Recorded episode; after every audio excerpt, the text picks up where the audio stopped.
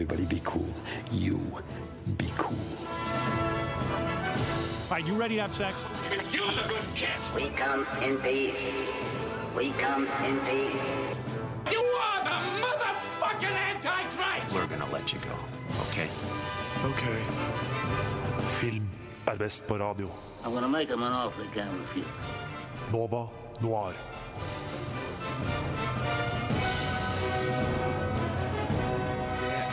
Tåkete, det er ikke sol ute, og jeg hadde håpet at påske skulle være her, men istedenfor så betyr det at man skal være inne og se på film.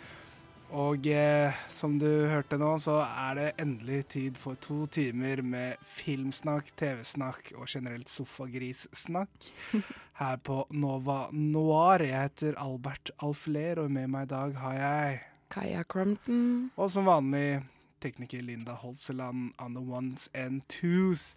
Eh, det blir en fin sending.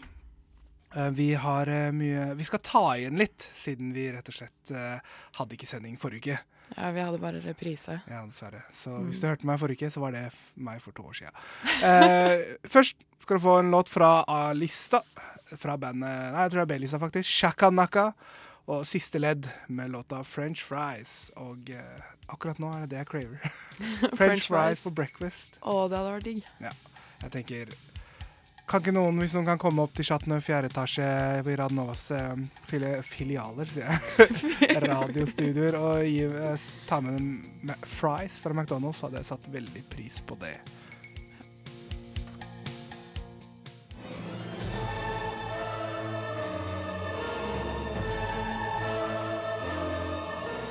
Well, hello, Mr. Fancy Pants. I got news for you, pal. You ain't leading but two things right now Jack and shit. And Jack left town. Nova Noir gir deg ukas filmnyheter. Det stemmer. Eh, låta du hørte før deg, var eh, Shakanaka med French fries. Og eh, det har skjedd. Har det skjedd mye i nyhetsverdenen, egentlig, Kaja? I dag? Jeg vet ikke, jeg. Jeg fant liksom ikke så veldig mye spennende. Det er jo bare masse prat om Marvel og DC som vanlig. Ja, du må liksom kutte igjennom det, det, derre- det støyet Ja. om superhelt. Superhelt. Uh, men det handler det liksom Det er ikke så lenge til f.eks. Batman vs. Superman kommer, men det er, sånn, det er ikke noe særlig snakk om det. Alle snakker om alle de andre tingene som skjer om ett, to, tre år. Ja, Og det er litt sånn åh, Jeg blir litt matt. jeg blir veldig matt. Det er bare så mye hele tiden, og så er det bare sånn Marvel slutter jo aldri å pushe ut ting, og apropos Marvel, så eh, er jo sesong, eh, Sesongen blir sluppet ut på Netflix av Daredevil Ja. i morgen. I morgen, ja. I morgen. Det var traileren som ble sluppet ut på tirsdag. ja riktig. For jeg syns i hvert fall det Marvel har gjort med, med TV-serier på Netflix, er ganske bra. Fordi du får lar historiene leve litt, og Jessica Jones, for eksempel. Ja. Kjempebra. Likte det Herregud. sykt godt. Det er kanskje høydepunktet. Selv om jeg er eh, den største fanen av Daredevil, så tror jeg Jessica Jones ass, det, var, eh, det er en kremserie du må se på Netflix. Mm.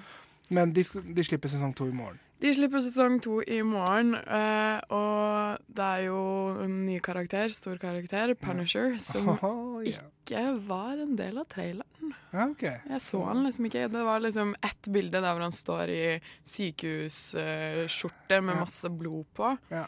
Men det var liksom det, da. Shit. Og Så jeg gleder, meg, jeg gleder meg til den. Ja, 13 episoder. Bam! Fredag. Det er, det er helga, det, ass. Ja. Det er sånn vi er blitt, tenker jeg. Sånn som sånn, eh, konsumenter. At vi bare sånn Ja ja, nå har Netflix sluppet en serie jeg gleder meg til. Nå må jeg sitte og binge 13 episoder. Ja. Eh, Jeg er litt sånn som på det når det gjelder Orange is the New Black. Det er sånn, ikke snakk til meg. Jeg har faktisk ikke sett den serien, men eh, House of Cards sesong fire kom jo ut for ikke så lenge siden. Ja, stemmer. Eh, så den på tre dager. Ikke sant? Eh, og det er liksom Det er med å gjøre masse andre ting, da. Innimellom, ja. Ja. Um, og så mer superhelter, da. Men litt sånn på andre siden ja dette er kult. helt sånn cred-kulthelt. Altså Ja. Eh, det er jo The Crow. Oh yes. Har jo pratet om å komme med en oppfølger. Men nå ser det ut som om de ikke får den støtten de trenger for å lage den oppfølgeren, og at de på en måte kanskje må legge ned produksjonen. Legg Ja, ja. preproduksjonen. Mm. Ja. Jeg tenker The Crow, det er en forbannet Altså, it's cursed, da. Altså, Ja, den er, den har en forbannelse over seg. Brandon Lee ble skutt på sett av en kule som fins i en pistol som egentlig skal være fake, eller som skal ha eh, ja, kruttlapp eller whatever. Ja, du, altså det, hele det der er jo Det er jo ikke bra. Altså, kanskje den ikke burde bli laget. Nei, Hvem er det som ja. dør på den filmsettet, Ja, liksom? altså, jeg vil ikke vært Altså, jeg ville ikke hatt noe med den å gjøre, for sånn, fordi noen kommer til å dø. Det er litt sånn som Poltergeist også har sånn kids som dør i ulike Eller folk som har jobba på produksjonen, de dør der. Samme tenker jeg om The Crow, da. Bare, bare ikke, ikke gjør det, kanskje. Kanskje det er greit at det bare er én film som er den filmen den er. Ja. Også Leave It Alone. Ja.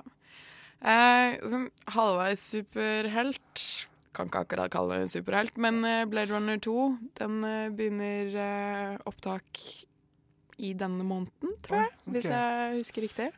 Og det Altså, ja, det skal fortsatt handle om replicants og Ja, det og Hvem er Hvem er eh, robot? Hvem, hvem er disse folka? Nei, det skal, det skal visst gi litt svar på spørsmål man har fra den første filmen, da. Mm. Um, Det skal skal være sånn companion piece. Altså, se den filmen her hvis det er noen ting du lurer på. Er det sånn? Nei, men den blir jo filmet av Roger Deakin, som er uh, bare helt fantastisk filmfotograf. Mm. Det bare ser kult ut, så jeg bare gleder meg til å se den. Bare fordi Ja, det er. Harrison Ford og Roger? Deakin som filmer Harrison Ford i Nostalgi for Blade Runner-elskerne. Man er jo mest spent på om, om da denne cinematografen klarer å få liksom eh, futuristiske LA. Nå er vi kanskje i snart den tida også. Ja. eh, hvordan skal den bli enda mer futuristisk? Det ser jeg fram til. Ja. Eh, jeg fant en nyhet som var veldig interessant. Jeg breaka den på Filter film og TV, dette TV- og filmmagasinet som tilhørte Telenor før, men nå er eh, uavhengig. Eh, Hans Petter Moland, eh, regissøren, skal eh, nå lage en film basert på boka 'Ut og stjele hester' Oi. av Per Petterson. Det, det, er jo, altså, det er jo, handler om en far og en sønn, og så er det mye ting imellom. da. Mm. Så jeg er veldig spent på det, fordi 'Ut og stjele hester' er jo en megasuksess når det gjelder eh, i den litterære verden. Blitt solgt i 40 land, Ja. og nå skal det bli film. Så Det veldig spennende. morsomt. Og jeg digger det at en, en, liten, en liten side som Filter film og TV får breake det først. da. Det er veldig søtt. Det er gøy. Ja. Uh, var det noe mer? Nei.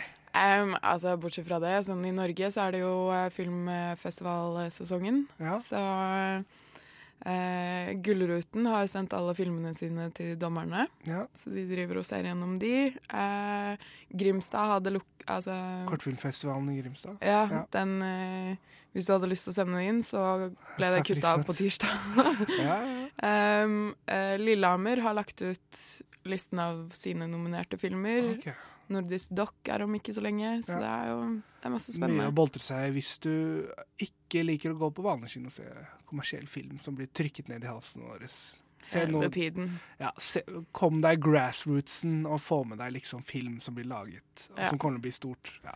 Fordi at eh, filmfestivaler er jo der hvor de beste filmene blir vist. Så det er jo gøy å se hva som faktisk blir laget i Norge i kortfilm, dokumentar og spillefilm. Mm. Ja, sett bort fra da eh, publikumstall, og det er litt deilig. Ja. Slippe den kommersielle delen. Mm. Eh, nå også skal det også garantert eh, Du skal få litt kommersielt, men mest egentlig Dette er en ny type rapper. Eh, han, eh, han Jeg veit ikke hvor han henger, altså han er fra Atlanta. Alle å snakke om han, velger jeg å tro. Eh, han heter Little Lil Yari, og han har laget en låt som heter Minnesota. Men så har han fått med rappere som Quavo, Skippa the Flippa og Young Thug. Men dette er definitivt veldig, veldig rart. Oh yeah. Hvis du likte den off-kilter-synginga der, det er ikke rent. Absolutt ikke. Og veldig barnslig med sånn pianolyder. Så var det da Little Yari med eh, låta 'Minnesota', hvor han har fått med Skippa the Flippa, Quavo fra Amigos og Young Thug. Grunnen til at jeg spiller det, er fordi dette er nytt. Dette er ferskt. Dette kommer til å bli populært. Mark my words. Sjekk ut albumet hans på Soundcloud. Eh, Det heter Little Boat. heter det. yes. Folk bryr seg ikke lenger om å være mest mulig artistisk. De bare bryr seg om å putte ut content eh, for folket der ute, tenker jeg. Ja. Da Lil Yari, Little Boat. Eh, neste, ja, nå er det ikke to timer, men én time og 45 minuttene her eh, på Nova Noir, eh, Radio Novas eminente filmmagasin. Jeg hører dere andre programmer snakke mye om film der ute, men vi vet best. Vi vet Just best. saying. Even though we we don't show up. down. Og eh, vi, ha, vi fikk jo ikke laget en sending forrige uke, så denne, denne sendingen vil nok anmelde Vi vil anmelde to filmer som hadde premiere i fjor. Nei, i fjor. Forrige uke. Eh, Spotlight og Ten Cloverfield Lane. Men i tillegg så har vi da anmelder vi, anmelder vi to nye filmer denne uken. Mm. Eh, Det som en gang var. Denne norske filmen som har sånn rar trailer som har mye hype, på en måte. Ja, mye hype. Jeg Og- føler at jeg ser den traileren veldig mye. Ja, og så er det den uh, filmen som alle som, som kjappa seg til å dra på filmfestival for å se, nemlig Terence Malicks uh, nyeste film, 'Night of Cups'. Mm. Uh, den, det, altså, hvis det er mye hype om det som en gang var, så var det utrolig mye om Night uh, Eh, Night og det kommer vi til å glede oss til. Men uh, som nevnt, uh, det er torsdag. To dager før offisielt påskeuka begynner, og man tar seg ferie. Og da tenkte jeg OK, hva, har man noen anbefalinger? Liksom? Er det noe, noe burde man bør se? Og så tenkte jeg jeg vet ikke, Har du sett noe særlig av Doctor Who?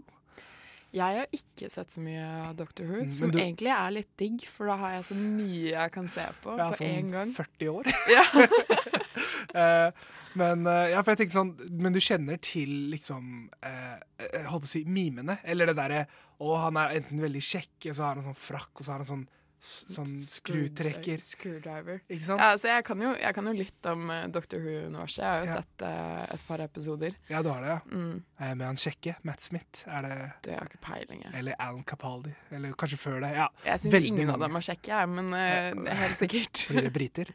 Nei, nei, jeg liker briter generelt, men bare de er ikke så skikkelige. Men det er bra at det, er ikke, at det ikke er du som, eh, som skal eh, anbefale Doctor Who-serien, men uh, vår tidligere journalist Mari Hove om hvorfor du bør se Doctor Who. Når vi snakker om TV-serier, er det én TV-serie vi virkelig bør påpeke. Den er tidløs, ikke avhengig av trender, og du har antagelig sett det eller hørt om det. Og hvis ikke, skjerp deg. Du skal se Doctor Who.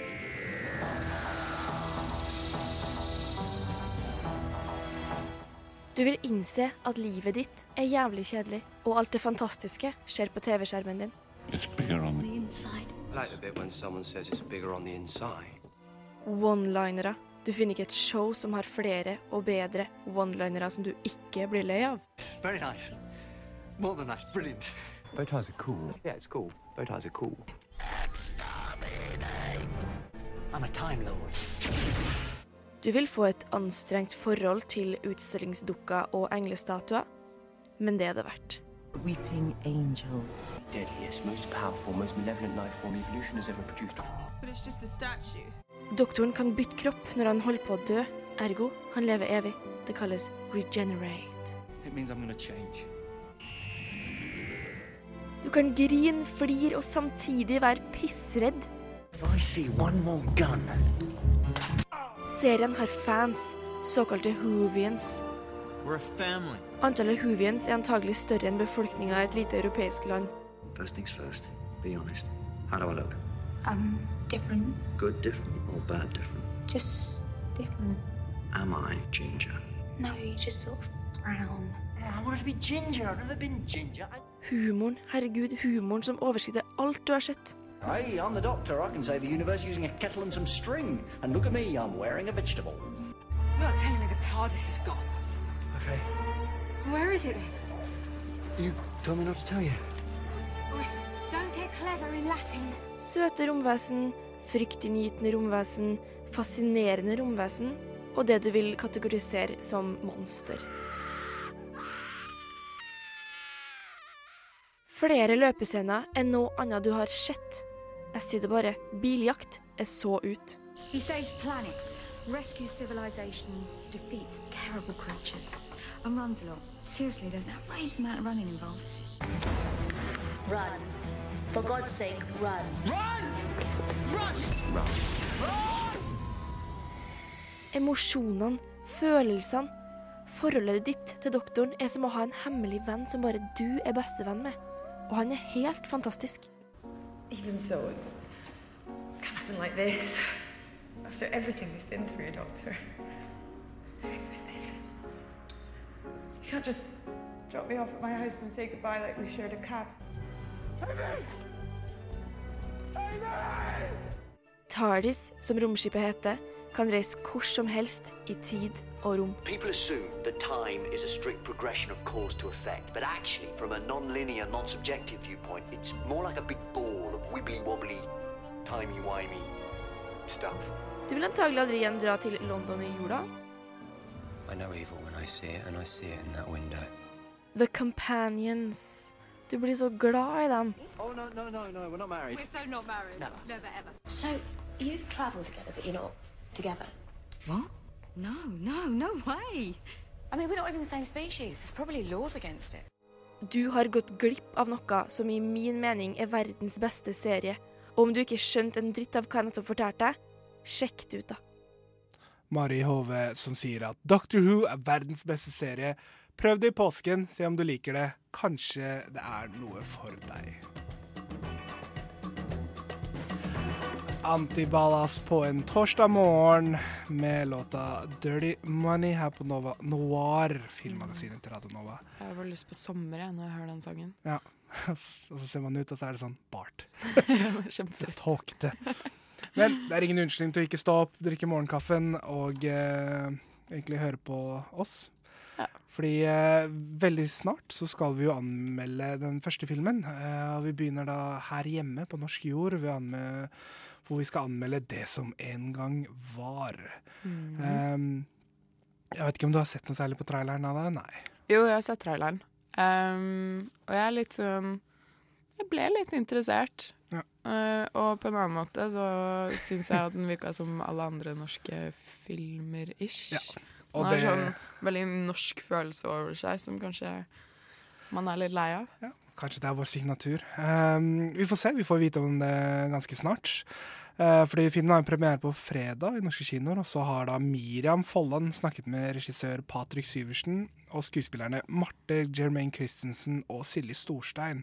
Og filmen handler egentlig om et venneforhold i en surningsprosess. Det handler vel om en sånn følelse som jeg selv kanskje bar litt på, um, med tanke på man er på et punkt i livet, slutten av 20-årene, begynnelsen av 30-årene, hvor det er en sånn generell forventning om at man kanskje skal etablere seg, få barn, man må begynne å ta valg, ta grep, man har kanskje latt det flyte litt lenge, da. Og det genererer jo mye frykt. Det å ta valg er skummelt. Eh, og i det så erfarte i hvert fall jeg at som kvinne så søker man veldig til venninnene sine. da. Man bruker kanskje venninner som et slags substitutt for ting man savner og mangler. Det er en styrke og en veldig verdifull ting, men det kan også bikke over i å bli noe usunt og noe destruktivt, og noe som kan stå i veien for at man kommer seg videre. Det var Marte Jermaine Christensen. Det var hun som brakte ideen om filmen til regissør Patrick Syversen, som hun hadde jobbet med i komedien 'Hjelp, vi er i filmbransjen' fra 2011. Sammen med Christensen og Silje Storstein utviklet Syversen historien som han kom til å skrive manus for. Det som en gang var, er et relasjonsdrama som handler om frykten for å gi slipp på noe gammelt og frykten for forandring. Jeg syns det er interessant med disse retningsløse karakterene som ikke helt vet hvor de vil, men som vet at de vil noe. Og så vet ikke helt hvordan de skal uttrykke det, og så prøver de så godt de kan. Og hvis det er to av de, sånn som det er i, i vår film, da, så er det så trist fordi det er to mennesker som egentlig vil ha det fint, og som vil eh, finne en måte å leve på som er trygg, og så bruker de hverandre som krykke. Og da kommer de jo ingen vei, fordi de Ja, det blir bare en ond sirkel. Altså, filmen handler på må mange måter om det og frykten for forandring og frykten for å miste noe, det som en gang var. Mesteparten av filmen utspiller seg over løpet av et nachspiel, og det blir på mange måter et symbol på tilstanden til vennskapet mellom de to bestevenninnene, Silje og Marte. Nachspiel er ofte ganske kjipe, men man holder fast fordi man ikke klarer å gi slipp på ideen av festen som en gang var. Og det er akkurat dette filmen handler om. Hvordan gir man slipp på et vennskap som en gang var så euforisk? Og hvordan slår man opp med en venn? Hvis du skal bryte med en kjæreste, eller du skal bryte opp med den jobben du har hatt, så er det så konkrete, tydelige valg. Mens i et sånt vennerelasjon, det er ofte så mye sånn usagt. Det var Silje Storstein som spiller Silje. Hun er kanskje best kjent fra de norske filmsuksessene Sofies verden og De nærmeste. I Det som en gang var, er hun et klart talent. Det skal også sies om Christensen, som viser en intimitet og sårbarhet som man ikke kan la være å kjenne på. Jeg tror de fleste kan relatere seg til begge karakterene i filmen, på godt og vondt. Både Christensen og Storstein hentet inspirasjon fra seg selv og egne erfaringer da de skulle spille rollene sine. Man tar jo alltid utgangspunkt i seg selv, men, men allikevel så har vi vel trukket ut også egenskaper vi har, og dratt forstørret dem. Christensen har dette å si om hvordan hun relaterer til karakteren Marte. Hun er jo et eh, lurveleven, og hun er jo veldig utrygg og delvis også veldig umoden. Hennes måte å, å agere og reagere på situasjoner er veldig ja, Jeg vil ikke bruke ordet barnslig, men umodent, rett og slett. Eh, og jeg har de tingene i meg, men jeg tør å påstå at ikke på langt nær i så stor grad som karakteren Marte har. Det som en gang var, er Syversens sjette spillefilm. I 2011 lagde han dramafilmen Exteriors, men før det var han kanskje mest kjent for å ha laget gore-thrilleren Rovdyr fra 2008. Da han også, som sagt, har laget komedien Hjelp, vi er i filmbransjen, og komiserien Helfjord, kan man trygt si at han ikke er redd for å jobbe med forskjellige sjangre. Jeg har vel egentlig alltid tenkt at film er drama, og tematikken kommer først. Og tematikken definerer hva slags type film man lager. Så for meg er det ikke noe forskjell å lage dette eh, og lage skrekkfilm. Det er bare at man bruker litt andre verktøy for å fortelle historien. I Hjelp, vi er i filmbransjen nevner han til og med en av sine egne filmer. Hva er det du vil? Jeg skal ha disse. Nei, du skal ikke ha de. Du skal ikke ha død snø og rovdyr. Jeg skal ha død snø og rovdyr. Det er feil, vi leier det ikke ut. Jeg skal ha de. Nei, du skal ikke det. Du skal ha Hanneke, hvite båndet. Nei, den, den har jeg sett. Hvorfor skal du se rådyr, død? Det er et studie i norske splatter. Med å leie de, så er det med å opprettholde en eh, industri som lager dårlig substansløse filmer her til lands. Det, det vil ikke jeg være med å støtte opp om. Skal du ha det, eller skal Jeg du skal, han skal ikke ha det? filmene. Kommentaren til Odd i, nei, i filmbransjen er jo mer ment som en slags eh, metakommentar på at folk ikke tar skrekkfilm seriøst. Fordi med en gang noe er voldsomt, så tenker folk eh, at det er overfladisk. Det er det jo da ikke, syns jeg. Jevnt over i intervjuene snakker både Christensen, Storstein og Syversen om eierskapet de føler over et så nærtliggende prosjekt. Det er veldig tydelig at de alle har kjærlighet for denne filmen, både i det de sier og gjennom lerretet. Alle snakker om hvor viktig og verdifull den skapelsesprosessen har vært. Det er det man lever for. Man lever ikke nødvendigvis for å få en klapp på skulderen og, og sette seg ned og lese respons i bakhånd. Man lever for å, i hvert fall i mitt tilfelle, å faktisk være i en prosess og skape. Og det må man jo nesten sørge for selv. Det som en gang var, er en film på bare 80 minutter, men som kommer til å sitte mye lenger. Det er vanskelig å vokse opp, og det er enda vanskeligere å gi slipp. Noe filmen klarer å portrettere gjennom et nydelig organisk manus og eksepsjonelt skuespill, til bakteppet av et perfekt stemningssettende tema komponert av Jens Fogner. Det som en gang var, er hvorfor vi elsker norsk film. Dette er en, en um, liten, stor film om vennskap og brudd som ønsker å underholde og berøre. Så jeg håper vel at alle som setter pris på historier som har noe på hjertet, går og ser den filmen her.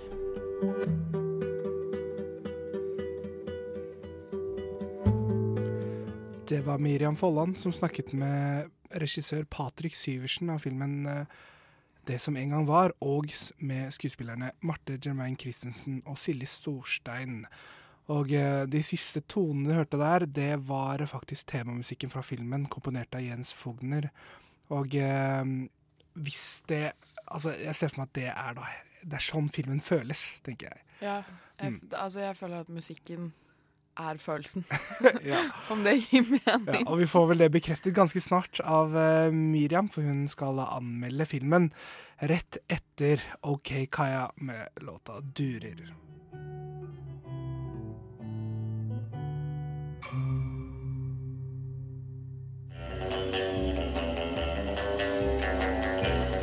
Kinopremierer. Ukas kinopremierer. Det var OK Kaja med 'Durer', og nå er det en filmanmeldelse av eh, det som en gang var. Uh, Miriam Folland, velkommen i studio. Hei, tusen takk. uh, du har sett denne filmen. Ja, jeg har det. Og det Ja, vi hørte jo for ikke veldig lenge siden uh, intervjuet jeg gjorde med regissør og skuespillere. Mm. Men jeg kan jo kort si at den handler om eh, to jenter som er kanskje midten av 20-åra, slutten av 20-årene, og bor i Oslo. Um, og de har vært bestevenner lenge, eh, men nå så begynner ting å revne. Den ene kanskje har vokst fra den andre, og man vet ikke helt hvordan man skal skille seg. Du, da? Det, Eh, det går fint.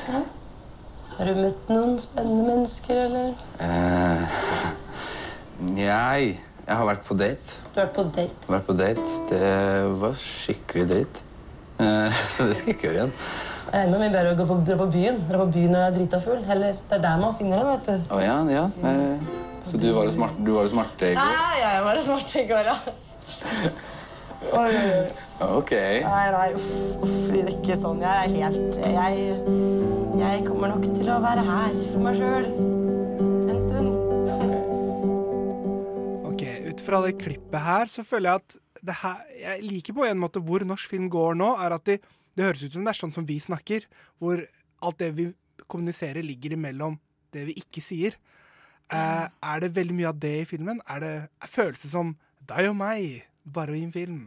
Det er faktisk eh, helt riktig. Det er, sånn, det er veldig mye om det som ikke er sagt, og det snakket jeg med skuespillerne om, at det var noe de ville veldig gjerne med filmen. At det liksom, de sier liksom ikke eksplisitt at nå er det liksom noe som er galt her, eller det er ekskjæresten din, f.eks. Det er bare det at det, det, her lig, det ligger noe i bakgrunnen, og manuset er jo utrolig organisk. Uh, noe som har vært liksom en trend med, som du sier, da, med norsk film i det siste, med liksom regissører som Joakim Trier eller, nei, ja, og manusfatter uh, Eskil Vogt, uh, Ole Giæver og nå ja, Patrick Syversen. At det er liksom sånn Vi ser en sånn frisk pust av manus som føles mer ekte, da. Og det er så fint. Ja, for En av de problemene jeg har med norsk film, er jo at, eh, at det ikke føles ekte. Mm. Dialogen ikke føles ekte i det hele tatt. Og det tror jeg kanskje kommer av at man prøver å etterligne sånn som f.eks. USA lager manus. da Og da blir det jo sånn Det er jo ikke sånn nordmenn snakker. Vi har jo en helt annen måte å uttrykke oss på. Og det, det er jo liksom Vi kan på en måte ikke si det lenger, da. At det, det er kleint med norsk dialog. Riktig. Og, og jeg tenker akkurat For det her er jo utrolig Man har jo Det handler jo om et vennskap som går dårlig. Og når, ofte når man uh, Man kan jo kjenne seg igjen i det, og man har jo masse følelser man sitter inne med, på, sitter inne med som man ikke kommuniserer. Uh, og jeg la merke til at rollelisten Det er jo bare fire stykker med i den filmen her. Mm. Eh, Og- og- og den er ganske kort. Ja, den er kjempekort. Den er 80 minutter. Så 1 time og 20 minutter. Og den handlingsforløpet er veldig kort også. Det er ikke over lang tid. Det er egentlig det meste utspiller seg bare på, det, på ett nachspiel. Eh, og der er det bare tre karakterer. Det er jo Marte Jermaine Christensen og Silje Storstein, som er disse to bestevennene. Marte og Silje. De heter Mm. det samme. Um, og en random bandmedlem-fyr som de møter på ute, som heter, uh, spilt av Benjamin Helstad. Mm. Og um, ja, det er på en måte ikke, det er ikke drevet av noe stort plott. på en måte. Det er et veldig sånn karakterstudium eh, der man kommer veldig nært innpå karakterene. Og, Riktig. Er det, er det slik at du må selv Når du så den filmen, her, var det sånn at du måtte selv bare Du måtte følge med og liksom plukke opp alle de små hintene, eller var det element Var det liksom Er det bare at disse menneskene snakker sammen, og kameraet er veldig nært på dem, kanskje fokuserer litt inn og ut? Litt sånn Når sola kommer, skinner inn vinduet, så ser man støvfnugg i lufta. Er det sånn Ja, ja, nærbilder av føtter og eh, Føtter? Ja, det var en ting som jeg la merke til. Det var sånn nærbilder av nakne føtter i en seng. Men det Ja, veldig mye sånt, da. Eh, og det syns jeg Men det syns jeg er veldig fint. Jeg syns det er veldig fint at man ikke skal drive og At det ikke skal være sånn konfrontasjon på en måte mellom dem. Selv om man sitter hele tiden og håper på at Kan ikke du bare si til henne hva som er galt, og så kan dere bli bestevenner igjen? Sånn skikkelig Hollywood. Men det skjer jo ikke. Og, men sånn er det jo ikke i virkeligheten heller. For når du på en måte slår opp med en venn, som man kan si i anførselstegn, så er det liksom litt sånn. Det er, liksom ikke, det er ikke noen grunn til det, på en måte. Det er bare vondt. Og du, jeg i hvert fall, kjenner meg veldig igjen i det. Og jeg kjenner meg veldig igjen i begge karakterene. Både hun som vokser fra, og hun som blir vokst fra. Fordi begge deler er så vondt. Og det er på en måte ikke noe Det er ikke noe sånn at du liker den ene og hater den andre. Men du, du liksom det er, så, det er så vondt å se på, og det sitter man med veldig lenge, da. Ja, for det, da tenker jeg, Dette er jo en film, men er det mer det at du, du blir selv Følte du at du var med en observatør på et nachspiel? Er det liksom kom, ble du såpass eh, dratt inn i denne filmen, eller følte du ble det brutt av og til? For det er det jeg tenker, da. Det høres ut som et, eh, masse, en del nachspiel eh, vi har vært på opp igjennom tidene. så er det liksom, Noen ganger så er du bare observatør til at noen krangler på et nachspiel, f.eks. Er det litt sånn den følelsen du får? Um, jeg vet ikke, jeg føler at Benjamin, da, den karakteren, han blir jo på en måte den observatøren av at de to krangler. Fordi hun, eh, Marte-karakteren, er jo hun som på en måte er veldig sint på Silje, fordi at hun føler at hun trekker unna, tror jeg. Og da, da slenger hun det alt ut på Benjamin. Men så tror jeg han på en måte skjønner litt OK, det her handler ikke helt om meg. Her er, det noen som sitter, er han liksom bare der. Um, men jeg, jeg, føler at man blir på en måte dratt inn i det, men kanskje ikke i så stor grad at jeg bare sitter Riktig. der. på en måte. Ok, Så som, med, altså, som alle gode, eller gode og dårlige nachspiel, så går jo lufta ut av den relativt snart. Klarer eh, det som en gang var å holde koken i en time og sju minutter? Ja, det syns jeg. Uh, jeg. Men jeg syns Ja, det kan noen gang føles ut som det er litt dratt ut, fordi det er, det er så lite der. Uh, men det, det, er så utrolig nydelig minimalistisk, syns jeg, da. At det det er noe jeg faktisk liker veldig godt ved den. Og så liker jeg veldig godt den nachspiel-ideen, fordi det er jo på en måte et symbol på vennskapet deres. For nachspiel er jo bare denne Jeg tror jeg sa det i innslaget også. Altså det er jo bare Du vil jo så gjerne holde fast på festen som var, fordi festen var så sinnssykt bra. Uh, og så er det aldri like bra. Det er jo egentlig ofte ganske kjipt, og du vil egentlig bare avslutte det, men du klarer ikke helt. Og det er jo forholdet mellom Marte og Silje også. Um, Amen. Som en slik symbolikkbruk, ligger, hvor ligger eh, det som en gang var i det norske filmatiske landskap? Den ligger Jeg syns den ligger ganske høyt. Um, kan jeg bare si en honorable mention til noe dere nevnte i stad. Og det er fordi at jeg var så sykt uh, fangirl over uh, musikken i filmen. Fordi sånn som dere sa i stad, at den fanger følelsen helt perfekt. Fordi den har sånn rolig, sånn, litt sånn myst, ikke mystisk, men sånn nysgjerrig, kanskje litt sånn trist sånn strøm... Uh, hva heter det for noe? Uh, Klimpring. Ja, av liksom strenger. Mm. Og det er liksom Følelsen av liksom redd for det som kommer. Og så har man disse der lydene som høres ut som de blir spilt baklengs, som kommer sånne syntlyder av og til. Og som liksom føles ut som Du klarer ikke å gi slipp på det som er bak. Så jeg bare syns det er så utrolig fint. Og eh, komponert av Jens Fogner. Og jeg var jo sånn sykt fangirl og maila han bare Kan jeg bruke det i radio? For jeg syntes det var så Kjempefint. Um, det var kjempegøy. Ja, ja. Så det var et høydepunkt? Det var definitivt et høydepunkt. Det var noe jeg satt igjen med. Og det er perfekt for filmen. Uh, ja. Og jeg tror at jeg lander liksom på uh, Jeg hater å gi karakter, jeg syns det er så vanskelig. Um, uh, nå faller jeg på en åtte av ti. Åtte av ti? Ja. Wow, det, ganske... det var ikke det jeg hadde tenkt at du skulle få. Det sånn, som egentlig. en gang var tidenes nachspiel, åtte av ti nachspiel, det er sjeldent, altså. Ja. men ikke nachspielet, men uh, følelsen.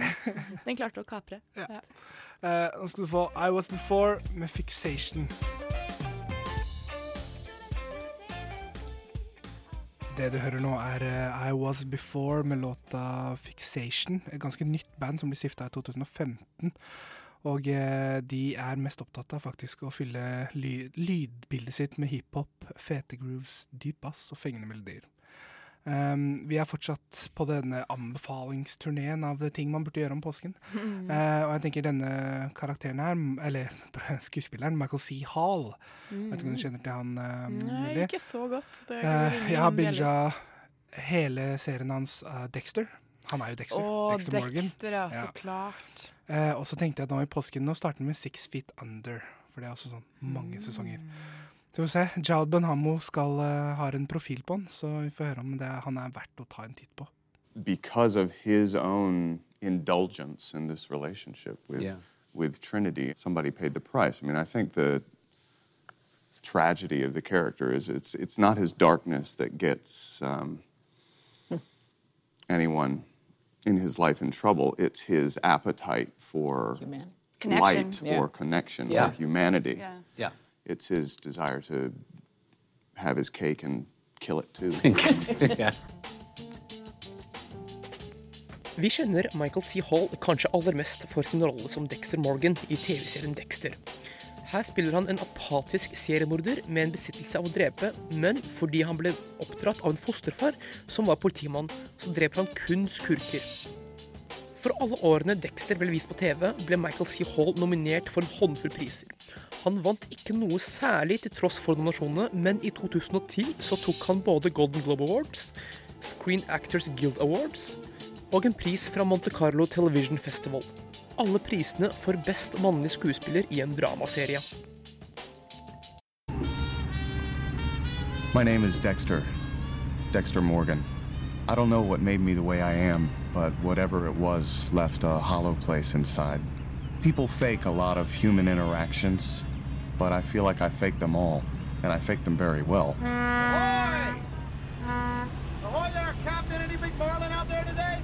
And that's my burden, I guess.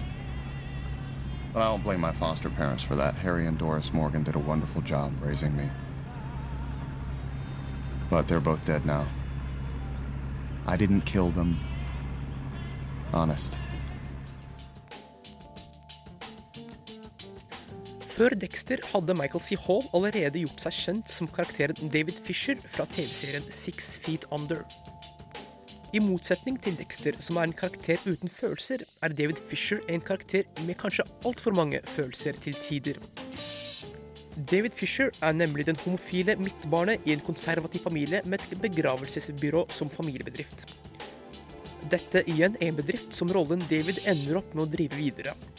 Michael C. Hall vant også en håndfull priser for sin rolle som David Fisher, selv om han kanskje ikke fikk like mange nominasjoner som Dexter og like mye oppmerksomhet for den rollen. Han har allikevel blitt rost for å ha spilt en av de mest realistiske homofile karakterene på TV som David Fisher. What are you doing here? Just got off duty. I came to pay my respects to your father. You never even met my father. Exactly. And you've met my parents how many times now? Christ, we just spent the weekend at their house. Don't do this to me, Keith. This is not your high school reunion. I'm, I'm sorry. This is not the time for you to be political. You think that's why I'm here? To be political? Keep your voice down. What is this? We can fuck each other, but I can't be a shoulder for you to cry on? I'm not crying. So what am I? Am I just sex to you? Jesus! Do we really have to have this conversation now? Oh, shit. Here comes my mother. I'm so tired.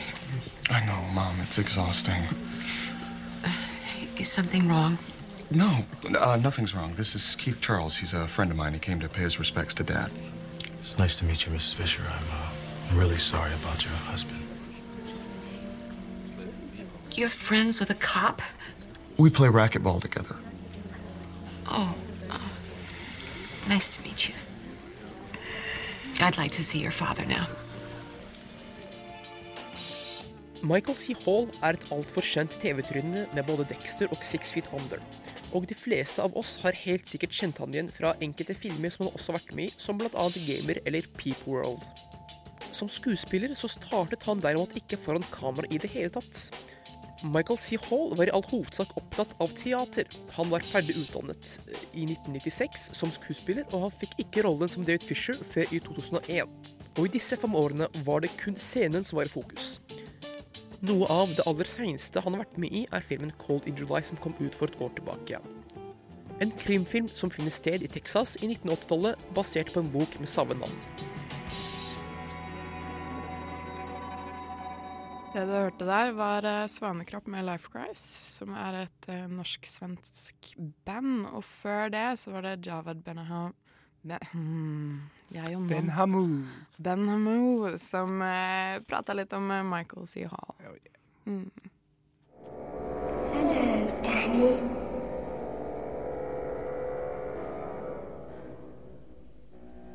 Come and play with us.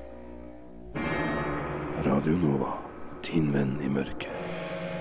Come and play with us, Danny. Ja, det er jo en ting du kan gjøre i påsken, er jo å se skrekkfilmer. Skrek. Jeg liker krim, jeg, i påsken. Krimserier. Ja. Setter jeg meg ned og ser på gamle eh, britiske krimserier med mamma. Ja, sånn whodunit. Ja, jeg føler sånn eh, Nei, vet du hva, jeg har faktisk ikke peiling. Jeg ser aldri på krim i påsken. Jeg syns det blir for mye. Det er altfor mye sånn Ja, de skal jo finne ut hvem det er. Det er som er litt Men ja, kanskje jeg bare det, Kanskje jeg skal heller ta og se noe skrekkfilm. Kanskje jeg skal begynne med krim. Jeg veit ikke. Jeg, jeg liker krim veldig godt. Ja. Jeg liker jo ikke skrekkfilmer, da. Ja. Jeg har litt for stor fantasi når jeg legger meg på kvelden Ja, til å.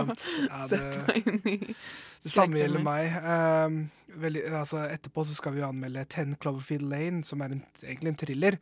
Men før den, så var, før den filmen starta, sendte de en trailer av en film som het The Boy. Det var kjempe, kjempeteit eh, sånn levende dukke i et Igjen? Uh, Ja.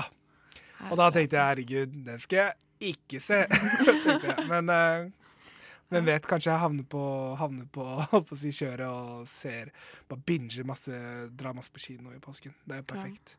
Det er jo perfekt tid å se filmer. Men for min del så er påsken på en måte serier, og jul, juletida er filmer. Ja. Påsken er serier. Serier, Ja, OK. Mm. Ja, kanskje det.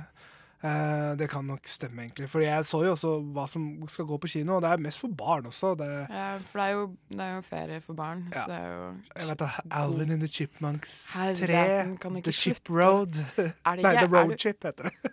The Road Chip. Ja, Road Trip Chip. Å, oh, herligheten. Så spiller videre på det. De ekornene får leve videre. Eh, Men jeg vil heller da anbefale Sotropolis. Mm.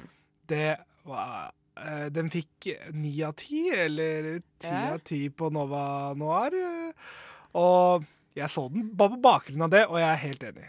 Helt enig. Fucken, ja. for en bra film, ass. Mm. Ja. Kung Fu Panda 3 kom jo ut i påsken. Ja, stemmer. Mm. Eh, jeg har liksom Jeg har ikke sett eneren engang, så Har du ikke Nei, sett eneren? Du har sett den. Jeg har, men jeg har småsøsken, så jeg ser jo veldig masse barne, barnefilmer hele tiden. Alltid. Masse barnefilmer. Liker du han feite pandaen? Jeg elsker Feite pandaen. Han er nydelig. Eh, og nå skal det være flere pandaer, så jeg gleder meg snap. helt sykt. Ja. Panda Don't fix it if it broke. Ah.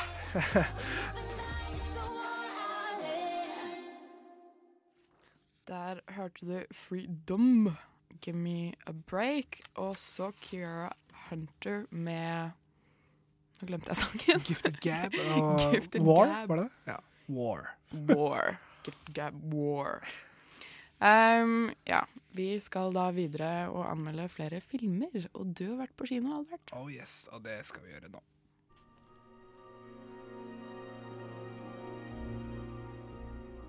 Ukens kinopremierer.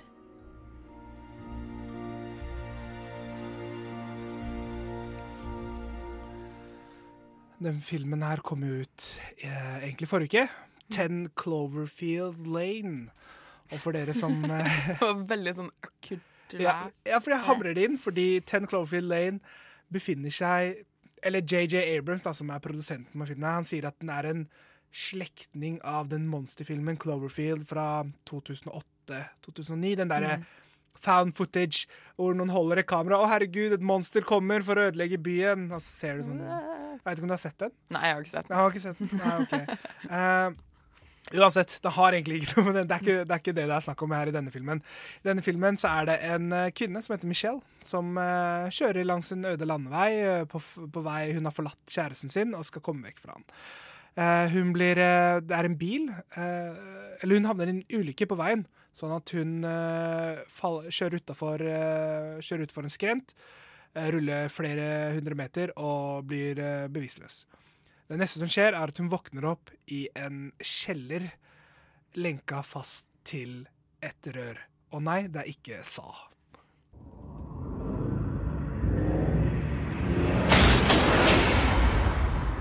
No! No! No, no! No! Don't open that door!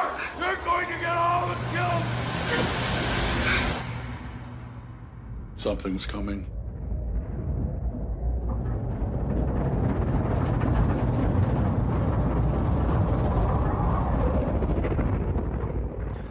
Creepy. Ikke sant? OK, Kaja, tenk deg det her. Uh, du våkner opp uh, med masse skader over kroppen din, og du er lenka fast i et rør. En feit mann kommer inn og puster skikkelig tungt. Uh, spilt av John Goodman i denne filmen her, sier at du kan ikke gå Vi er i en bunker under jorda. Du kan ikke gå ut, for det har, skjedd, det har vært et angrep på jorda, og lufta ute der er giftig. Du vet ingenting. Du har jo nettopp vært i en ulykke, husker ingenting. Og så lurer du på kan jeg stole på den personen her. Ja. Fordi du har jo blitt kidnappa, teknisk sett, Ja. og lagt i en bunker. Og det er det her Ten Cloverfield Lane handler om, da. Mm. Fordi i denne bunkeren så er det da Michelle, og så er det da denne feite mannen Howard, som er spilt av John Goodman. Og i tillegg er det en tredjemann som heter Emmet, spilt av John Gallagher jr. Um, og eh, disse tre menneskene er da, sitter fast i en bunker med mat for ca. tre år, og har den historien om at det er et eller annet som har skjedd ute i der ute over jorda, oppe i bakken. Du kan ikke gå ut, du kommer til å dø. Og Michelle hun er en litt sånn sta kvinne. Hun er sånn der, eh, Hvis hun har problemer, hun fikser det selv. Uh, spilt av Mary Elizabeth Winstead. Elsker henne. Uh, og den rollen hun spiller her, det er en av de beste helterollene jeg har sett på lenge. Er det det? Ja, fordi hun, hun, hun she's gonna, she's not gonna take this shit, liksom. Men Bare sånn, du kan ikke fortelle meg at verden har gått under mens jeg har vært bevisstløs. Ja, særlig når du liksom våkner opp og er lenka fast. Ja. Jeg føler at det, det er den biten som er liksom sånn creepy. Ja, og det er den kroken som filmen prøver å huke tak i deg i. Eh, og så etter hvert så, så prøver hun jo å se ut Altså hun prøver å finne ut om hun kan unnslippe. Og i tillegg så finner, ut, eh, hører, finner man ut i løpet av filmen at uh, denne mannen snakker veldig mye om datteren sin, Megan, som er liksom hun er, hun er ikke der, hun er ikke i bunkeren, men han har veldig mye av hennes klær, og han snakker veldig mye om henne. Og så begynner hun å lure på om hun har blitt kidnappa, kanskje fordi han har lyst til å erstatte henne med Megan. Kanskje. Ja, Eh, det, det er jo logisk. Ja, for hun er en fange. Men i tillegg så har da jorda gått under. Eh, og det er egentlig det Ten Cloverfield Lane handler om. Hva gjør man når verden har gått under, og du sitter i en bunker med puslespill og VHS-filmer? Hvor du da ikke planla å være der i det hele tatt. Du bare plutselig er der. For jeg så jo eh, traileren, og jeg syns den var en veldig, veldig bra trailer. Mm. Um, for den bygger jo opp veldig harmonisk veldig lenge. De sitter her og spiller spill og eh, sånne type ting. Det virker jo som en eh, ganske happy familie, Mm. mer eller mindre. Og så kommer da den biten i, av det klippet vi hørte, Ja. hvor hun da prøver å Åpne døra Åpne til døra. der. Og det er egentlig det hele filmen handler om. At det er hennes lyst til å finne ut selv på egen hånd, med sine egne øyne. Ikke stole på disse mennene som forteller henne nei, nei, du, det er ikke trygt. Ikke gå ut. Altså, hun vil finne det ut, og det er eh, det er det filmen handler om. Altså, og det er utrolig Det er klaustrofobisk. Du hører sånn betongen på en måte trekker seg sammen. Det er liksom du filmer på veggene. Um, og så er det da inne på dette fellesområdet så er det liksom pent og det er varme farger. Og Howard, da, denne mannen, har liksom, han er en sånn eh, doomsday prepper. Mm, så han har jo forberedt her lenge. Og han snakker om at det er jo det det handler om. Livet handler om å være trygg. Ikke sant? Og når du sitter fast i en eh, bunker med en sånn mann, og en annen mann som er litt mer sympatisk da, og er sånn 'Jeg er på ditt lag. Jeg kjenner han fra før av, men uh, det er et eller annet rart som jeg bare veit at det har skjedd noe'. Og uh, Men uh, Mary Elizabeth Winstead, hun som spiller hovedrollen, fabelaktig. Det er det som trekker opp hele filmen der, for min del. Ja. Hun er helt rå. Hvis noen husker henne, kanskje hun spilte Ramona i Scott Pilgrim Saves the World. Ja, det Eh, var det Har hun spilt noe etter det? Uh, ja, hun har vel uh, Hun har spilt uh, The, Sp The Spectacular Now. Hun var med i A Good Day to Die Hard. Hun var Bruce Willis sin datter. Men hun er kanskje mest kjent for sånn Ja, altså Die Hard 4. Men nei, hun er, ikke, hun er mer sånn kultheltinne. Ja. Og det er egentlig det denne filmen er. Det er en kultfilm. Mm. Det er ikke sånn wow, action eller sykt sånn thrillerfilm, fordi den mister litt uh, momentum etter hvert. Mm. Fordi den, den veksler mellom hun vil ikke unnslippe og kan jeg, kan jeg overleve i denne bunkeren med disse mennene. Og det er ikke sånn, De prøver ikke å de prøver å gjøre det komfortabelt for henne og fortelle at du må bare slappe av. Mm. Så det veksler liksom mellom disse to tingene. da. Ja. Uh, men uh, Ten Cloverfield Lane er en sånn film hvor du ser sånn Nei, vet du hva, vi ser den her når du ikke har så mye annet å se. Og det er ikke negativt ment, det er bare det at de, det er en sjangerfilm. Ja. Det er ikke den store filmatiske opplevelsen. Nei. Men det høres jo ganske interessant ut, da. Ja. Um, innenfor det de prøver å lage. Mm. Altså en sånn thriller eh, slash apokalyptisk framtid, uh. Overlevelsesfilm, ja. Og det er det som, hvis du har en veldig Hvis du er veldig fantasifull, så begynner du å tenke 'hvordan hadde jeg takla det?' Og det, jeg syns filmen tar for seg veldig bra det, men det er jo fortsatt en amerikansk film. Ja. Som gjør at den blir cheesy. Mm. Åh, Det er litt hater cheese. Det er litt cheese. Litt, litt cheese, og det trekker jo ned egentlig ganske mye. Ja. Så Eh, hva, hva er det du syns om filmen? Hva er det du gir den? Det er en bra sjangerfilm. Kultfilm, definitivt. John Goodman. Også Det er skuespillerprestasjonene av John Goodman og Mary Elizabeth Winstead. Drar denne filmen opp. cheesen drar den ned. Mm. Uh, og jeg, la, jeg sier seks av ti til Seks av ti. Ten Cloverfield Lane. Sterk anbefaling for det, fordi det blir, kommer til å bli en kultfilm. Garantert. Må jo se den nå. Ja.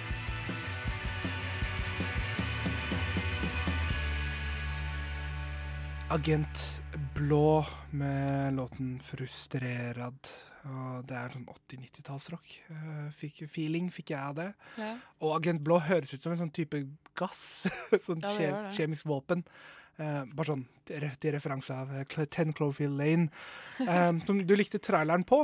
Ja, jeg likte traileren Ja. på den. Og uh, vi skal jo straks anmelde også en film som fikk, hadde premiere forrige fredag. Mm. Spotlight. Ja. Denne, altså årets beste film ifølge Oscar Academy Awards Ja, du, det er sant, det. Og, eh, og, du, og du reagerte på den traileren. Fordi Ja. tra trailere er jo sånn, det skal selge inn filmen, men nå i det siste, trailere er sånn, skal avsløre mest mulig av filmen. Ja, jeg syns det er liksom Det er en dårlig trend. Vi har Mm. gått inn for uh, trailere der hvor det er ikke De går inn for å på en måte fortelle så mye av historien som mulig, sånn at du liksom har lyst til å se den, men jeg syns ikke det fungerer. Um, jeg syns det er mye bedre med uh, sånn som med Ten Cloverfield Mm, Lane-traileren, og så altså Suicide Squad-traileren. Ja! da, vet du hva? Den, de har sluppet to eller tre trailere eller sånn. Ja, de har Litt sånn- sluppet eh, to Den første traileren var ikke så bra. Nei. Den var sånn eh, Streit. streit trailer, eh, cheesy linjer fra Will Smith-greie. Eh, men den siste traileren som ble sluppet ut med Bohemian Rhapsody Ja, vet du hva? Jeg, jeg veiver hendene i været og bare helt enig. Den traileren er helt, helt rå. Og, men det er ikke da Spotlight. Nei, det er den ikke. Den er rett og slett bare lame. Jeg fikk ikke lyst til å se den filmen. Og jeg, jeg tror jeg skrudde av traileren midt i. Det er ganske Det er ganske negativt, fordi en trailer varer hva, et og to minutter maks. Så det, når du ikke klarer å holde oppmerksomheten din i to minutter engang, da har du faila, ass. Noe innmari. Er det noe feil? Det Ja. er noe veldig feil. Og jeg vil også bare kaste inn det at eh, Jeg tror i påsken så har også Batman vs. Superman-premiere. Ja. Tror jeg. Og eh, den traileren der avslørte hele filmen. Ja. Ikke se traileren. Den suger også. Det er dritteit trailer. Så til dere der ute, ikke, eh, ikke se trailere. Ikke akkurat nå i dette tidsrommet vi er i. Nei, bare prøv å ikke se trailer. Det jeg prøver å gjøre, er å se trailer så lenge før som mulig. Ja. Sånn at noen ganger så glemmer jeg litt hva som faktisk kommer til å skje. Pro tip fra Kaja Crompton her i Nova Noir. Vi skal anmelde Spotlight hvert øyeblikk.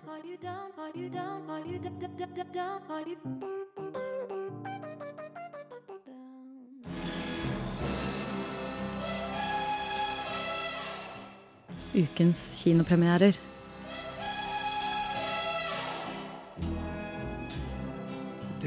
Helt riktig her på Nova Noir. Det vi gjør hovedsakelig, er å anmelde film. Eh, og vi har nå igjen Miriam Folland, vår eh, redningskvinne, når det gjelder å anmelde film. Denne filmen var jo ute på kino, kom på fredag, Ja, forrige fredag. og vi snakker så klart om Spotlight. Yeah, Spotlight. Det er eh, årets overraskende vinner over eh, Best Picture. Jeg tror det var ingen som forventet det, egentlig. Eller ikke Den var jo Folk visste jo at den var bra, men uh, Jeg hadde ikke hørt om den før den vant. Jeg var sånn what?! Ja. Hva er dette for noe? Ja, for den kom jo veldig sent eh, til Norge, for den kom jo i USA sånn i desember eller noe, Ja. november. Uh, men i hvert fall, den handler jo om uh, det nyhets... Eller uh, avisredaksjonen som uh, breaka denne skandaløse casen om overgrepene som den katolske kirken, eller prester innenfor den katolske kirken, har, hadde ja, Begått. begått eh, overfor eh, guttebarn, da. I know there's things you cannot tell me. But I also know there's a story here, and I think everybody will hear about it. Do you think your paper has the resources to take that on? I do. Do you? The Boston priest molested kids in six different parishes over the last 30 years. The church found out about it and did nothing. We haven't committed any long-term investigative resources to the case. No, we haven't. And that's the kind of thing your team would do. Spotlight? det var, nei, det var i slutten av traileren. Spotlight. Spotlight. Er, det, er det scenen som gir filmen sitt navn? nei, men nei, for greia Spotlight er en del av avisen. En liten del som er sånn her grave... Delen, de som, ja, de som bruker mange måneder på å finne én sak, og så publiserer de en sak. Så det er det det handler om, da, dette teamet med eh, Spotlight-journalister. Og eh, denne saken om eh, de katolske prestene er på en måte overgrepene. Som er veldig sånn eh, en ting som på en måte kom i avisen litt sånn sporadisk. Mm. Sånne små saker, spaltesaker på siden og sånne ting. Um, Men de hadde aldri avslørt det på Aldri avslørt. Nei, ikke i det hele tatt. Ikke det hele systemet. Og det er det de får en ny eh, redaktør, Mm. som eh, spilles av eh, Leif Schrib, eh, Schreiber Jeg klarer aldri Le- Liv Schreiber. Liv Schreiber, Ja. som eh, kanskje mest kjent som eh. Victor i hva? I uh, X-Men Wolverine Uh, Origins. ok, ja, jeg tenkte Jeg kjenner deg som morderen i Skrik. Ja. Men OK, ja. den- Min- så gammel er jeg. Ehm, Men ok, fordi jeg har jo, nå har jeg hånda mi oppi taket, og jeg har, jeg har skyhøye forventninger til den filmen. her, Fordi Best film of 2015, Oscar Academy Awards. Ja. Hvordan gjør de gravejournalistikk sexy? Er det sexy? Ja, det er kanskje det. Er det sexy? Det er i hvert fall veldig veldig spennende, fordi det, er en veldig lit, det var en veldig liten avis, eller det er The Boston Globe, og um, um, i en by i Boston som er, var en predominantly katolsk eh, by. Alle var katolikker der, og, eller i hvert fall veldig mange. Og det er jo veldig spennende fordi det er denne casen som det er. Da. Det er jo en helt utro... Nå er jo dette på en måte common knowledge. Men eh, jeg syns også det var veldig spennende eller veldig viktig det at de viste dette på en måte som var veldig seriøs. Eh, fordi kanskje i ettertid nå så er det liksom sånn Å ja, he-he. ja, katolske prester, og de liker små barn, liksom. Og det har på en måte blitt liksom en liksom, vits, kanskje, noen steder. I hvert fall Mm. sånn i, eh, blant komikere og blant Ja liksom, sånn humor. Og det, Hver uke er det alltid en overgripervits. og det er, det er jo helt sykt, fordi når man ser den filmen, så ser du hvilken skala dette var, og hvor utrolig seriøst det er, og hvor uh, rammene det var for uh, de, de ofrene. fordi greia er at de vil ikke bare ta uh, disse enkeltindividuelle prestene. De vil vise at dette er et system Mm. hvor de systematisk Det skjer, og så tar den katolske kirken, dekker det over, flytter, dem til, flytter disse prestene til et annet sted. Og det, så skjer det igjen. Og så flytter de til et annet sted, så skjer okay. det igjen. Så det er, det er på en måte en, Det har en litt sånn dokumentarisk altså Fordi de prøver å beskrive så ekte som mulig hvordan den prosessen med å ta disse prestene som forgriper seg på unge barn Mm. Uh, Og jeg tenker du, er, det, er det troverdig når du har liksom Mark Ruffalo og Michael Keaton i hovedrollene, liksom? De, var veldig, de spilte kjempebra. De var veldig sånn um, Kanskje det beste jeg har sett Mark Ruffalo i. Vi har ikke sett han i så veldig mye, da. Nå har jeg sett han i Avengers og Men uh, uh, han spilte liksom en På en måte veldig Mark Ruffalo-aktig. Man merker at det er veldig han, men på en måte ikke også. Sånn, man blir veldig sånn tatt i karakteren hans. Og Michael Keaton også gjør det kjempebra. Og ikke minst Rachel McAdams, som bare er helt eh, nydelig bra. Og ja, så de er on point altså, når det gjelder skuespillerprestasjoner. helt on point. Og Liv eh, Schreiber, som eh, er veldig sånn nedtonet. Veldig sånn rolig. Som er veldig rart okay. å se han i, men som var veldig, veldig fint. Ja, Han har jo sin egen serie, og Ray Donovan, hvor han ikke er så veldig nedtonet. Uh, men da tenker jeg, OK Er det derfor denne filmen har eh, Sorry altså at jeg drar det alltid mot Oscar. Jeg føler at Hvis vi skal ha en målestokk, så må det være det. Er det skuespillerprestasjonene, eller er det liksom viktigheten av Det, filmen? det er litt det, fordi det er jo en veldig stor eh, en veldig stor tematikk. Og det blir liksom eh, Man kan kanskje ikke sammenligne det, men jeg skal gjøre det likevel. Uh, når man ser på sånn holocaust-film, da. Mm. Så du føler at ok, du ser på det, og du syns det er bra fordi det er Det er jo en holocaust-film. Mm. Men eh, Og på samme måte så er det her Og her viser vi noe som er kjempeviktig, og det er så bra at de gjør det, og de gjør det på en veldig fin måte. Men det er akkurat det, da, at de gjør det på en veldig eh, med integritet. De behandler historien Um, på en veldig fin måte. Du føler ikke at de gjør det som en sånn cash grab, som ofte man kanskje kan føle at det blir. da. Mm. At de behandler det veldig flott, syns jeg. jeg synes Ja. det var, ehm, men den again så vil jeg si at det er en veldig sånn Det er en veldig finslipet uh, diamant, som jeg sier. Uh, som jeg sa i stad. At det, alt er så perfekt. Det er et, sinnssykt bra manus skrevet av Josh Singer og sammen med Tom McCarthy. Uh, regien er kjempebra, cinematografien, skuespillet, historien er kjempespennende, viktig. Men det føles litt sånn Her har vi masse eksperter som lager en perfekt film. Uh, Litt er, for overprodusert? Ja, og det, blir sånn, det er jo en grunn til at folk ikke kjøper uh, syntetiske diamanter. Det blir for perfekt. Ja. Ah, okay, ja. Eller at de har lavere verdi. Men ja. det er jo fortsatt fint, og det er fortsatt veldig bra. Um, og når du kommer ut, så sitter du med en klump i halsen, og du kommer ut og sitter sånn Fy faen. Fordi uh, det er jo basert på sannheten, og de viser sånn hvor mange ofre det faktisk var. bare i Boston så uncovera de eh, 2000 Jesus. mennesker. Og det er bare i Boston. Og det er 2000 ofre, liksom. Det er jo helt, det... helt sinnssykt. Det er jo vet, det er et sånt tall som man bare ikke klarer å Alle ord. Det er jo ikke okay. Herligheten. Og så viser de også sånn flasher på skjermen da, av alle stedene i verden mm. som kom et, eh, som et resultat av denne etterforskningen. Så viser uh, hvor det har blitt uncovera. Og ja. da blir man sånn Å, herregud, det er som Danmark, og ja. det er i hele ja, verden. Da. Det er jo, jo verdensomspennende. Så OK. Eh, du vil si at basert på alt dette, da hvor ligger vi an? Altså, er dette den er en må-se-film pga. viktigheten, eller er det eh, skuespillerprestasjonene? Er det en må-se-film fordi den vant Oscaren, på en måte? Jeg vet, jeg vet, ikke. Det er vel kanskje en sånn må-se-film eh, Ja. Mm, jeg ville sett den, men jeg vil kanskje hmm. jeg vet ikke, det blir veldig vanskelig. Det blir veldig sånn 12 Years a Slave-type må se-film. Ah. Hvis du skjønner? Jeg Fordi du kommer sitte du kommer til å ha Det er en bra opplevelse, og du ja. kommer til å sitte igjen noe med den. Ja. Men um, det ville aldri kommet på listen min over favorittfilmer. Men det er sånn Shawshank Redemption er jo også en sånn finslepet film som er sånn helt perfekt. Og det er jo en grunn til at den er på toppen av IMDb-listen. Ja, høyt på IMDb. Så hvilken karakter ville du gitt den, da? Eh, personlig kan jeg Jeg vet ikke. Uh, det blir så vanskelig. Um, igjen. Men uh, den ligger vel på åtte av ti, den nå. Åtte av ti til Spotlight om da forgripelsene fra den katolske prestestanden i Boston. Big Black Delta, Money Rain Down. Dette låta er en veldig gammel A-listelåt. Nå er den på C-lista til Radio Nova. Du hører fortsatt på Nova Noir, filmmagasinet til Radio Nova. Mm. Med Albert og Kaja i studio. Uh. Uh, vi har anmeldt tre filmer, men vi har en siste film igjen. Uh, det er da Terence Malicks uh, 'Night of Cups', som vi skal anmelde ganske snart. Ja. den traileren òg var litt sånn wow, syretripp. ja, den var veldig syretripp. Um, og jeg hadde rett, for når vi så den traileren eh, på tirsdag, mm. så sa jeg at jeg trodde noen av de klippene var filmet med GoPro, ja. og det har det.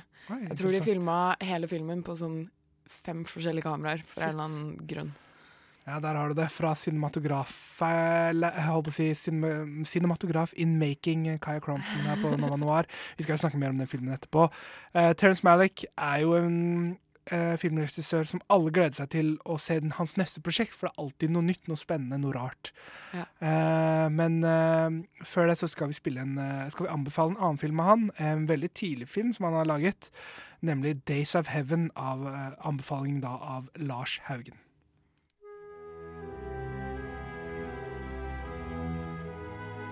I 1978 kom det som kanskje er verdens vakreste film, 'Days of Heaven' av Terence Malick, en film laget over to år. En film som forårsaket 20 års stillhet fra regissørens side.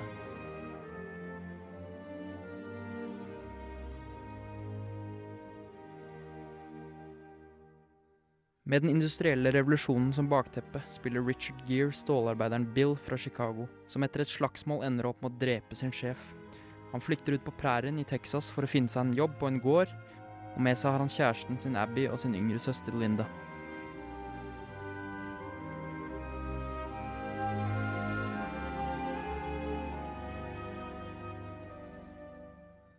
På prærien får følge jobb som sankere i en gigantisk kornåker. Kornåkeren og gården den tilhører ble også arena for filmens virkelige plott. Det viser seg at storbonden som eier kornåkerne er dødssyk, og at han som en slags siste pust av liv har forelsket seg i Abby. Where'd you learn that? From watching the girls at Baker Hall. Actually, I could have been a dancer. think I love you. What a nice thing to say. Kyniske som de er, har Bill og Abby, drevet fremover av Bill, maskert seg som søsken i et forsøk på å sikre seg en del av arven til den velstående bonden. Men storbonden går aldri hen og dør, og plottet tykner da Abby gifter seg med ham. Who'd know but you and me? Nobody. That's all that matters, isn't it? You talk like it was all right. I mine øyne er ikke Days of Heaven et mesterverk pga. historien, tematikken eller karakterene. For som alltid gir regissør Malik uttrykk for sitt filosofiske blikk på livet, menneskenes posisjon blant dyrene og plantene, og det transcendentale i og gjennom en ganske enkel og ofte bibelalluderende historie. Og forstå meg rett, det er vel og bra. Men det er derimot som visualist og komponist av bilder og lyd at Malik begår et mesterverk. De forstummende vakre bildene, skutt av Nester Almendros, akkompagnert av Ennio Morricones musikk, utgjør til sammen et malerisk og poetisk stykke håndverk. Og da Oscar for beste foto skulle deles ut i 1978, hersket det aldri noen tvil om hvilken film som ville vinne. Det gjorde det heller ikke da Malik vant prisen for beste regissør på Cannes samme året. Days of Heaven er rett og slett et audiovisuelt kunstverk hvor hvert eneste tablå kunne vært et Turner-maleri. Så hvis du så og likte Tree of Life, se Days of Heaven. En anbefaling av Lars Haugen om av filmen Days of Heaven fra 1978 har Terence Malick flyttet sitt kunstneriske verk eh, flere steg fremover, får vi vite egentlig nå, med en anmeldelse av Night of Cups. Kinopremierer. Ukas kinopremierer.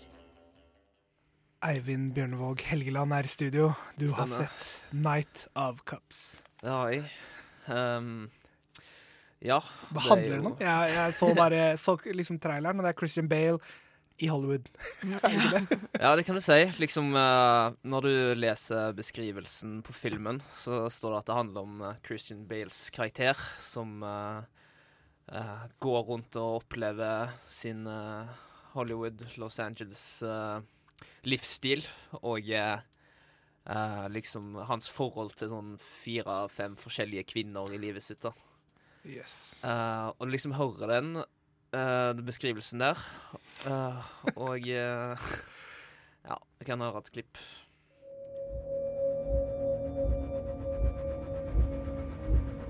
All those years, living the life of someone I didn't even know.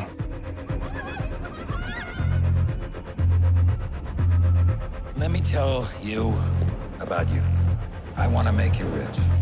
You see the palm trees? They tell you anything's possible.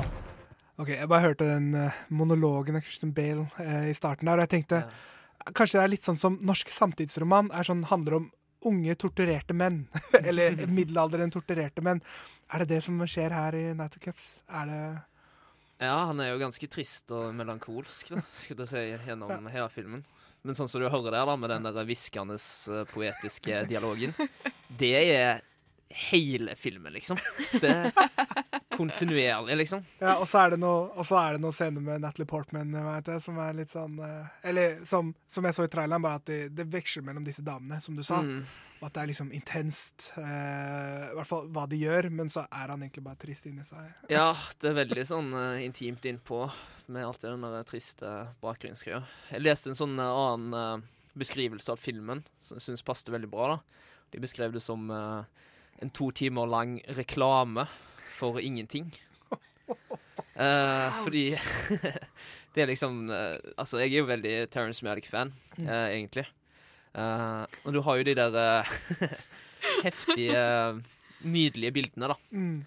Og det skal sies da, den filmen her består jo bare av nydelige bilder, liksom. En eh, Men ikke noe inn, sånn innhold det som er verdt noe. Nei, kanskje ikke. Eller på en måte òg. Jeg er veldig sånn uh, splitta, egentlig, i forhold til denne filmen. Ja. Fordi eh, eh, det blir liksom det gjennomgående. Så er det Mm. fint bilde for fint bilde. Gjøre en parkeringsplass poetisk. Riktig. Og eh, Ja, fordi Terence Malick er jo så kjent som en sånn mystisk mann. på en Mm. måte. Det, er altså, det mest spennende som finnes på han på nett, er en YouTube-video av han hvor han linedanser. Antageligvis. det er liksom, det er Terence Malick. Uh, og jeg tenker i det her tilfellet er det vi som blir holdt for et pek. da, At han har gitt oss en film uten innhold, for det er sånn vi skal føle det karakteren gjør. Jeg gir han litt eh, goodwill der, kanskje, men Ja, det er litt på en måte mange av de samme tingene som Tree of Life har uh, fått kritikk for. da At det liksom er bare litt innholdsløst, uh, pretensiøst-aktig uh, bildebruk der. da Ja, for jeg blir liksom litt redd for at den er bare pretensiøs. Mhm. Um, og at det er en, en ting som bare Terence Malick har begynt å gå inn i. da. Mm. uh, pretensiøse filmer med fine bilder. Ja. Ja. Og er, altså, jeg tenker, Det er jo et moment eh, trekke inn Tree of Life, og så hadde han jo også To The Wonder, som også folk nevnte var innholdsløs. Eh, kanskje fordi det var Ben Affleck i hovedrollen, jeg vet ikke. Men, Ja, eh, vi vet ikke. Men jeg tenker, er det, er det et moment der, sånn som i Tree Life, hvor det er sånn, han hiver noe uventet à la planetens begynnelse og dinosaurer på jorda? Bare noe sånn helt uh, Crazy. crazy far-fetched. Uh, nei, det er liksom ikke noe som er sånn helt eh, Den har litt den der samme feelingen og pacingen uh, gjennom hele greia, altså. Ok, ja, det høres ut som Dette er to timer med tomrom på lerretet. Med Christian Ja. Spales hviskende, deprimerte stemme. deprimerte stemme. ja. Det, det går liksom i det. Og så er han på de der forskjellige partiene og eh, hele den livsstilen. da. Ja. Det kan du si forskjellen, da, fordi eh, han er jo veldig sånn natur, opptatt av natur, han Mm. Terence Malick, egentlig. Og det ser du mye i de andre filmene òg. Men her er det jo det der eh, bybildet, da. Ja. Hovedsakelig. Selv om det er en del sånn naturshots. Ja, for dette er jo Hollywood-fest. Altså, han er inne på fester, han er luksuriøse Mm. områder, som du har nevnt. Er det, dette er, det er liksom det bildene som Terence Malick prøver å bruke nå. Ja, det er liksom det der eh, intime innpå med fest og strobelys og alle sånne ting. Ja. Mm. Men uh, Er det, er det Ter Har Terence Malick uh, gitt ut en Wolf of Wall Street på he sin helt egen måte? Ja, det er faktisk en ganske fin eh, beskrivelse på det. Det er en sånn skikkelig sånn lukka nedpå uh, det melankolsk uh, Wolf of Wall Street, i så Ja. fall. For det er det der, Det var det, det var det jeg fikk av traileren, iallfall. Ja. Ja, det, det høres ut som en sånn sykt downer-film. Altså, jeg, jeg veit at Terence Malick man skal forvente at det, det er ikke Det er jo ikke en Hollywood-package på den måten. Det her Ja. er jo et forsøk på en slags kunstnerisk film. Mm. Eh, men hva sitter du igjen med? du, du virker litt sånn Ja, det er akkurat det. Jeg kan jo ikke si at den var At det var liksom helt At jeg ikke fikk noe ting ut av det, da. For det, det gjorde jeg absolutt. Uh, men den krever veldig mye av deg, ass. Den gjør det. Du, du må sitte der liksom og, og, og eh, ha tålmodigheten på plass, da. Uh, så jeg kunne nok eh, anbefalt eh, folk å se denne, men da må du være ganske sånn eh, innstilt på hva du kommer til å sette deg inn i. Ja, det, altså, det, dette er ikke en film du drar med deg vennene dine på. Sånn, Nei, vi ser en film, da! Ja, vi gjør det. Ser vi. Night, Night of Cups. Eh, Men eh, absolutt, man må nok se den på kino, ass, for det, Ja. det er der du får opplevelsen. Mm. Så jeg lander på en seks av ti. Seks av ti. Til Terence Malicks Night of Cups. Eh, nå skal du få litt av kanskje en favorittartist som du har. Chetfaker. Chet Faker. Ja. Ja, Det er uh, låta Gold, men det er en såkalt Flume rework, da. Elsker Flume. Chet Faker med Gold Flume rework. Ja, yes. Og uh, med det er jo nå Noir ferdig for denne gangen. Vi har anmeldt eh, fire filmer. Eh, det som en gang var norske, eh, norske filmen. Åtte av ti fra Miriam Folland. Og så ga hun også Spotlight, Oscar-vinneren åtte av ti om eh, katolske prester som forgriper seg på barn. Eh, så det er ja, Det er helt forferdelig. Se den hvis du skal ha en skjellsettende opplevelse. Eh, jeg anmeldte Ten Cloverfield Lane og ga den seks av ti. Kultfilm, sjangerfilm. Eh, Mhm.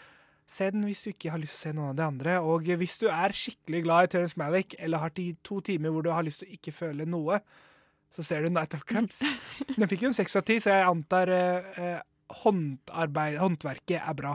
Hånd, håndverket er bra, Mm. eh, Eh, vil jeg tro. men uh, Christian Bale sin evige droning er kanskje litt, kan bli litt slitsomt i lengden. I to timer. I Ja, to det timer. vil jeg tro. Ja, og jeg vil takke de som har bidratt. Så klart Miriam Folland, Mari Hove, Jawad Benhammo, Eivind Bjørnevåge Helgeland.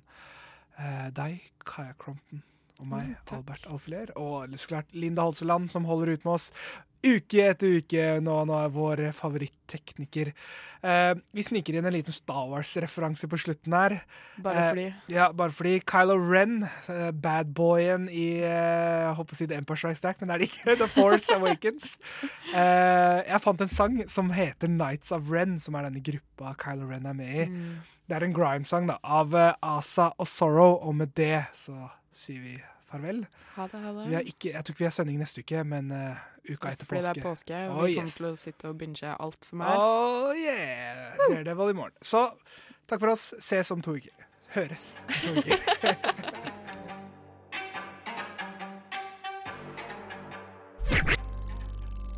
Du Du Du hø hø hører på. på Radio Nova.